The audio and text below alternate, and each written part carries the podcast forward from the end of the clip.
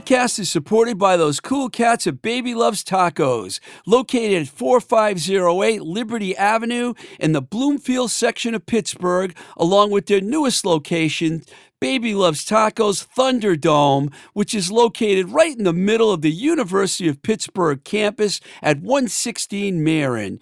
You can get some of the finest Mexican style food this side of the El Paso, Texas border. Check out Baby Loves Tacos website, Baby Loves Tacos pgh.com and stay tuned for the spring opening of the Give and Go Market, which will be located right next to the Bloomfield location. Do yourself a favor, head over to Baby Loves Tacos, say hi to Zach, Cat, Kaz, and the Sandman, and tell them Twisted Rico sent you. Baby Loves Tacos where everybody eats. Welcome to Blowing Smoke with Twisted Rico. I'm your host, Steve Ricardo, flying solo today, as I do once in a while. I'm going to hit you with a few different topics and play a couple tunes as well. I'm going to give you my top 10 albums from 1971 because I'm feeling a little retro. We're going to talk about Juliana Hatfield's latest album, Blood, which is her 19th solo record. And if that's not enough, we have a brand new song from Charles Hanson's Gymnasium. And I'll also give you my take on Spotify. Just when we get some good news about COVID cases dropping, we now have a war in the news again. Like like we really needed that to happen. Not real a, really a war, but more like an invasion.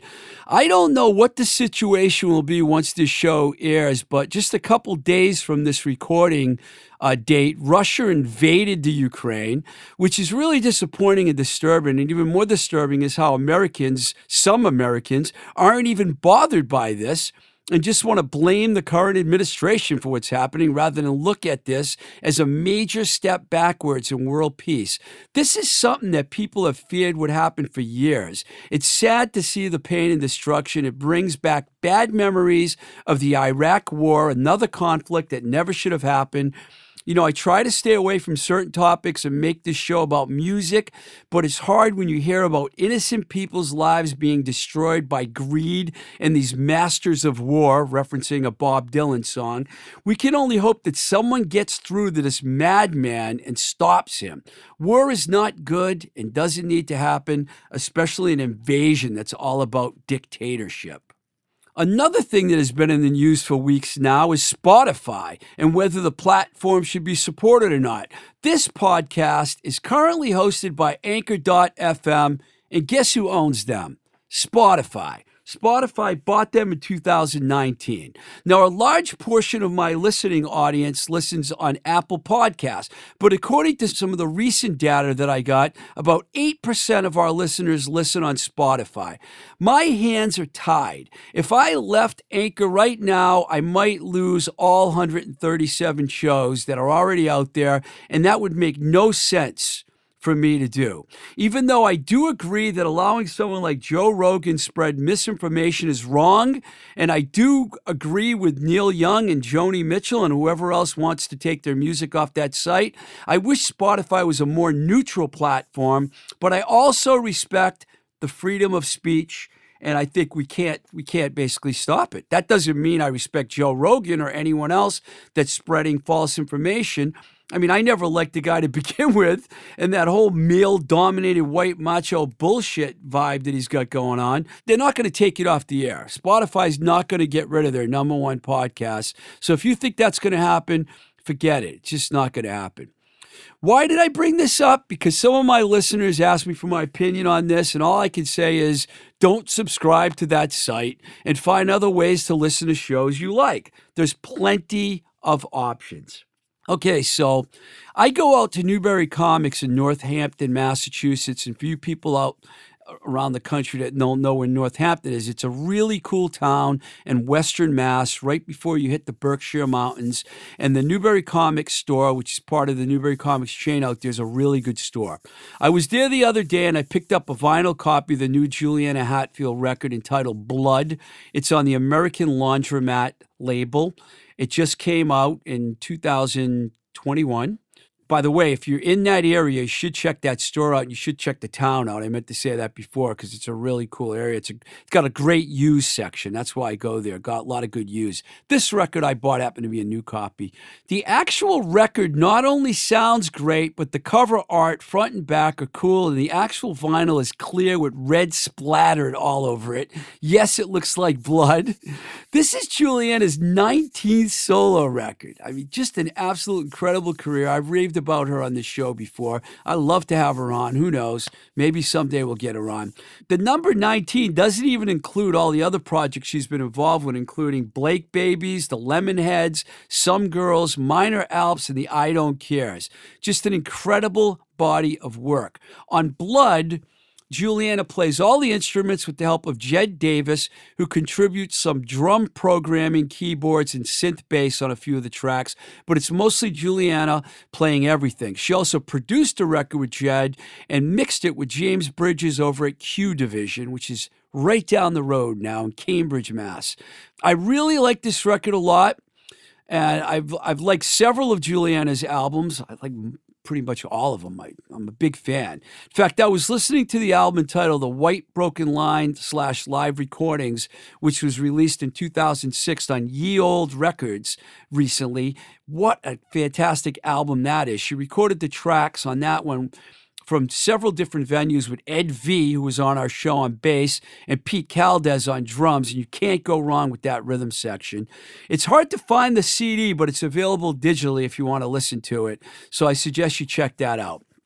But for now, we're going to play a track from the Blood album. There's a lot of good songs in this record, so it was hard for me to come up with one.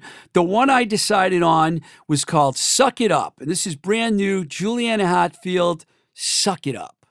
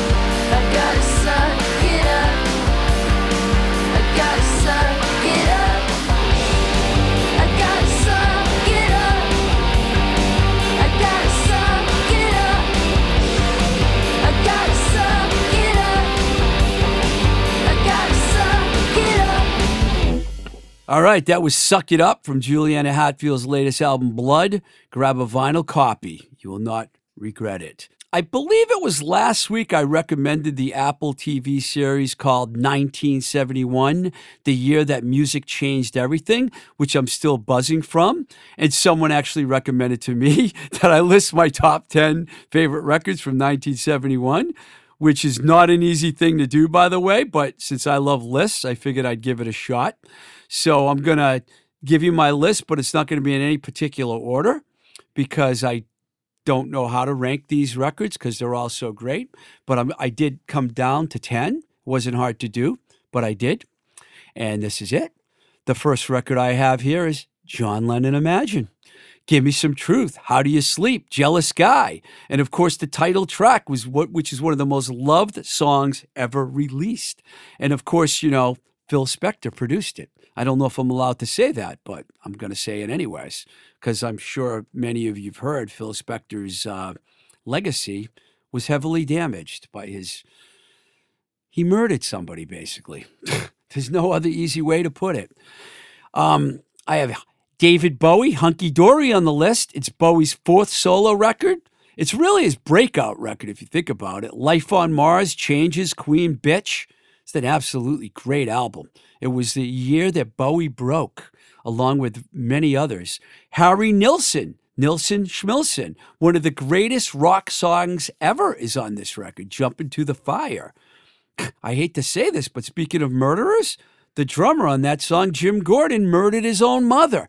Now, you, I mean, what can you do? There's some crazy people in the music business. I don't know what to tell you, just like everything else. Of course, that record also contains Without You, which is a legendary song, and put the lime in the coconut and mix it all up. Then we got Who, The Who, who's next? Probably the best Who album, I would think. If you listen to that record, every single song on that record is great, and you probably have heard every single song on that record on classic rock radio. This one might surprise some people because I know people know that I'm not the biggest Paul McCartney fan in the world, but I have Ram on my list. It's not loved by all McCartney fans, but Uncle Albert, too many people, and I can smell your breath a mile away, smile away. I mean, I had to put that on my list. The next record, one of my favorite records, one of my favorite personal records. Rod Stewart, Every Picture Tells a Story, Don't It? From the title track to Maggie May to Mandolin Wind, Reason, Reason to Believe, just an absolute record. Same goes for Black Sabbath. This is not their best record. It's probably not one of my top. I mean, it might make my top five Sabbath records, but Master of Reality which contains uh, Sweet Leaf and Children of the Grave. Now, that's a massive Sabbath song from the riff master, Tony Iommi. Couple more Alice Cooper Killer. Under My Wheels, Be My Lover, and that great artwork with the snake on the cover. Alice Cooper was pretty damn hot around 1971, let me tell you.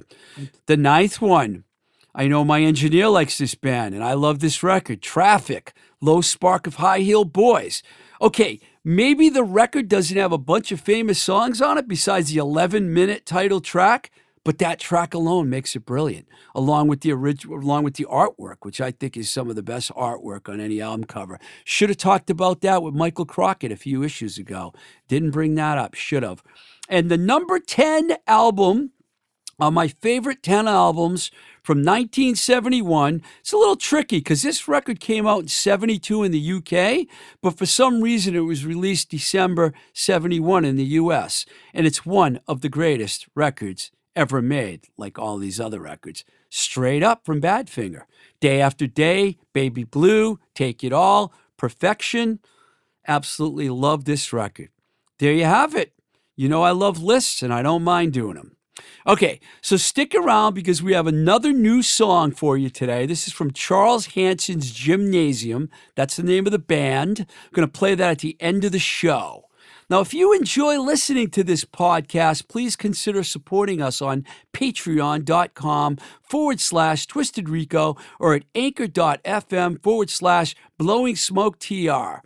Some people have also asked me if they could just make a one time donation. Sure, you can actually sign up on Patreon and Anchor and just do one month and then get off. Or you can write me at twistedrico at gmail.com and I'll tell you how you can send me all your money and artwork and t shirts and vinyl and whatever else you want to send me. I love swag. I'm not I like swag more than money actually, but I'll take the money too pays the bills, you know? You can also, like I said, you can send me music at that address as well. And you can find me at, at Blowing Smoke with TR on Instagram and at Blowing Smoke BS on Twitter. And of course, we have a YouTube page and a Facebook page. Thank you to Mike Nash for recording us here at Voice Motel in Somerville, Baby Loves Tacos for supporting us, and to all you folks for taking the time to listen. We're going to end the show today with the first single from Gymnasium's up and coming April release, which is on Red on Red Records. And they said this, not me, and I don't have a problem with it. They call this, quote, the best record of all time, unquote. And who am I to argue with that? Whatever Justine says is fine with me. this album is going to have 22 songs on it when it comes out. And check out some of the people playing on it. Duke Levine, Kevin Barry. Okay, we just started with two of the greatest guitar players ever to come from Boston. The great Ed V plays on it. Anthony Kaczynski, Detroit's own. Jim Janota, hell of a drummer, and a host of others. The song we're going to play for you, which was just released, is the first single. It came out with a video as well. It's called Tavern at the End of the World. It's from Charles Hanson's Gymnasium and it's a wrap. Until the next time we say goodbye, this is Blowing Smoke with Twisted Rico. I'm your host, Steve Ricardo. Keep the rock and roll alive.